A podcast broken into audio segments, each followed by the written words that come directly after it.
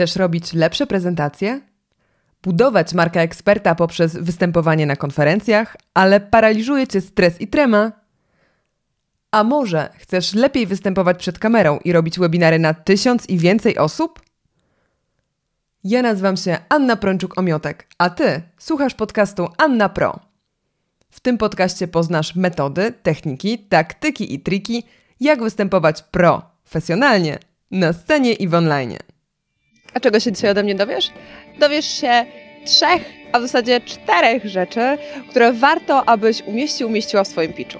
Cześć!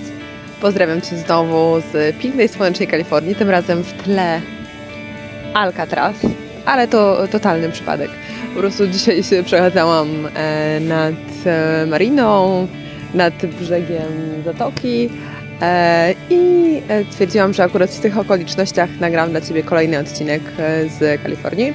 Dzisiaj chcę powiedzieć o rzeczach związanych z pitchowaniem, z wystąpieniami publicznymi, przede wszystkim z pitchowaniem przez startupy, przez młode, innowacyjne projekty.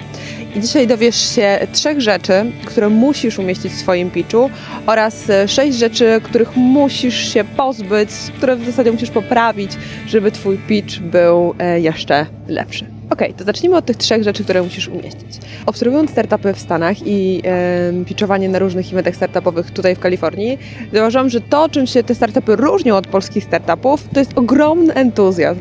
Oni po prostu emanują dobrą energią, emanują takim mega pozytywnym podejściem. E, no i to też jest warto e, zaimplementować w polskich pitchach. Według mnie tego brakuje właśnie w polskich pitchach i ty też powinieneś, powinnaś przemyśleć to, aby dodać więcej entuzjazmu do twojej prezentacji. Dlaczego? Dlaczego warto to robić? Mianowicie dlatego, że inwestorzy, którzy chcą inwestować w różnego rodzaju przedsięwzięcia, zwykle patrzą na to nie jaki jest pomysł biznesowy, chociaż to oczywiście jest ważne, ale nie to jest najważniejsze. Najważniejszy jest człowiek, z którym ma się do czynienia, najważniejsza jest osoba, z którą będziemy współpracowali. Więc jeżeli ktoś pała entuzjazmem, to od razu inwestorzy są bardziej skłonni chociaż porozmawiać z tą osobą, to wiedzą, że będzie im się lepiej pracowało z daną osobą. Także więcej entuzjazmu to warto jest, abyś dodał, dodała do swojego pitcha. Druga rzecz, o której trzeba pamiętać, to historia. Pewne success story albo po prostu pewne story, które powiesz podczas swojego pitcha. Czyli pamiętaj, żeby twoja opowieść nie była po prostu suchą opowiastką, że robimy to i to, mamy takie i takie sukcesy. Najważniejsza jest historia, czyli pewien bohater, któremu coś się wydarzyło, któremu pomogliście, może to być prawdziwa historia, najlepiej by było, jakby to była prawdziwa historia, ale może być też to wy wyimaginowany klient, osoba, która hipotetycznie skorzystała z Waszego produktu i usługi i miała takie to, a takie korzyści. I trzecia rzecz, którą musisz umieścić w swoim pitchu, to trakcja i finanse, czyli to, jak zarabiasz, albo ewentualnie jak potencjalnie będziesz zarabiać. I wydaje się to oczywiste, no bo startup, biznes, e, no tutaj chodzi o liczby i pieniądze, ale tak naprawdę wiele polskich startupów zapominało e, na pitchach, przynajmniej na tych, których byłam, zapominało o powiedzeniu o tym, jakie ma finanse, ile chce zarobić w najbliższym czasie, jaką inwestycję potrzebuje, po prostu brakowało liczb. E, była piękna prezentacja, kolorowa, nawet czasami było story, natomiast brakowało liczb i finansów, brakowało po prostu trakcji. Więc to jest ta trzecia rzecz, którą musisz umieścić w swoim pitchu, aby był bardziej amerykański, ale też po prostu bardziej skuteczny. No i ewentualnie mogłam dodać taką czwartą rzecz, taką gwiazdkę. Mm, czasami też opakowanie ma znaczenie i tutaj w dwóch, w dwóch aspektach mam na myśli. Opakowanie, czyli prezentacja, to, że była estetyczna, ładna. Chociaż pamiętaj, jeżeli mm, prezentacja będzie taka prosta, naprawdę prosta, ale będzie bardzo merytoryczna, będzie zawierała historię i liczby, to też jest super. Natomiast opakowanie też ma znaczenie, więc jeżeli będzie to ładniejsza prezentacja, to na pewno zadziała na Twoją korzyść. I kolejna rzecz, opakowanie ma Twoje znaczenie, jeżeli chodzi o upiór. W Stanach może tutaj w Kalifornii nie ma to aż takiego znaczenia, bo tutaj ludzie naprawdę nie przywiązują uwagi do ubioru. Bardzo dużo startupowców chodzi w bluzach, w rozciągniętych koszulach, no czasami w gajerkach, ale to naprawdę rzadziej.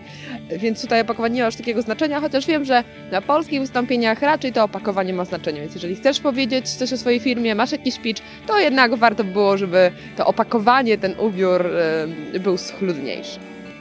I to tyle na dzisiaj. To były te cztery porady odnośnie tego, co warto umieścić w swoim pitchu na podstawie tego, co wiedziałam w amerykańskich pitchach, to co warto e, jest umieścić w pitchach startupowców z Polski. Dzięki wielkie za dzisiaj. Zapraszam Cię od razu do kolejnego odcinka, który jest ściśle powiązany z tym odcinkiem, ponieważ w tym następnym powiem o sześciu rzeczach, o których warto zapomnieć, czy w zasadzie, które warto poprawić, yy, czy usunąć ze swojego pitcha po to, aby był lepszy, po to, by, żeby był amery bardziej amerykański, ale o to chodzi, żeby był po prostu skuteczniejszy. Dzięki wielkie za dzisiaj. Daj znać w komentarzu, co jeszcze mogę dla Ciebie nagrać i od razu zapraszam do kolejnego odcinka.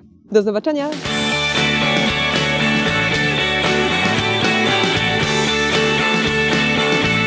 Pozdrawiam z Pacyfiku.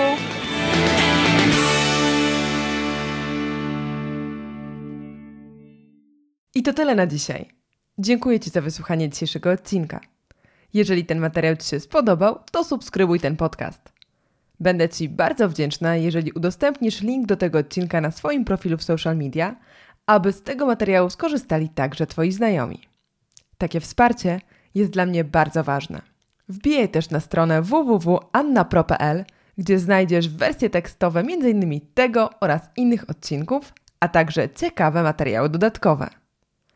Zapraszam Cię też na mój Instagram, fanpage oraz kanał na YouTube o nazwie Anna Pro. Przemawiaj profesjonalnie, gdzie znajdziesz ten i wiele innych odcinków w wersji wideo. Zobaczmy się tam. Linki do moich social mediów znajdziesz w opisie poniżej. A już teraz zapraszam Cię też do kolejnego odcinka podcastu, który tradycyjnie pojawi się już w poniedziałek. To tyle na dzisiaj. Do usłyszenia!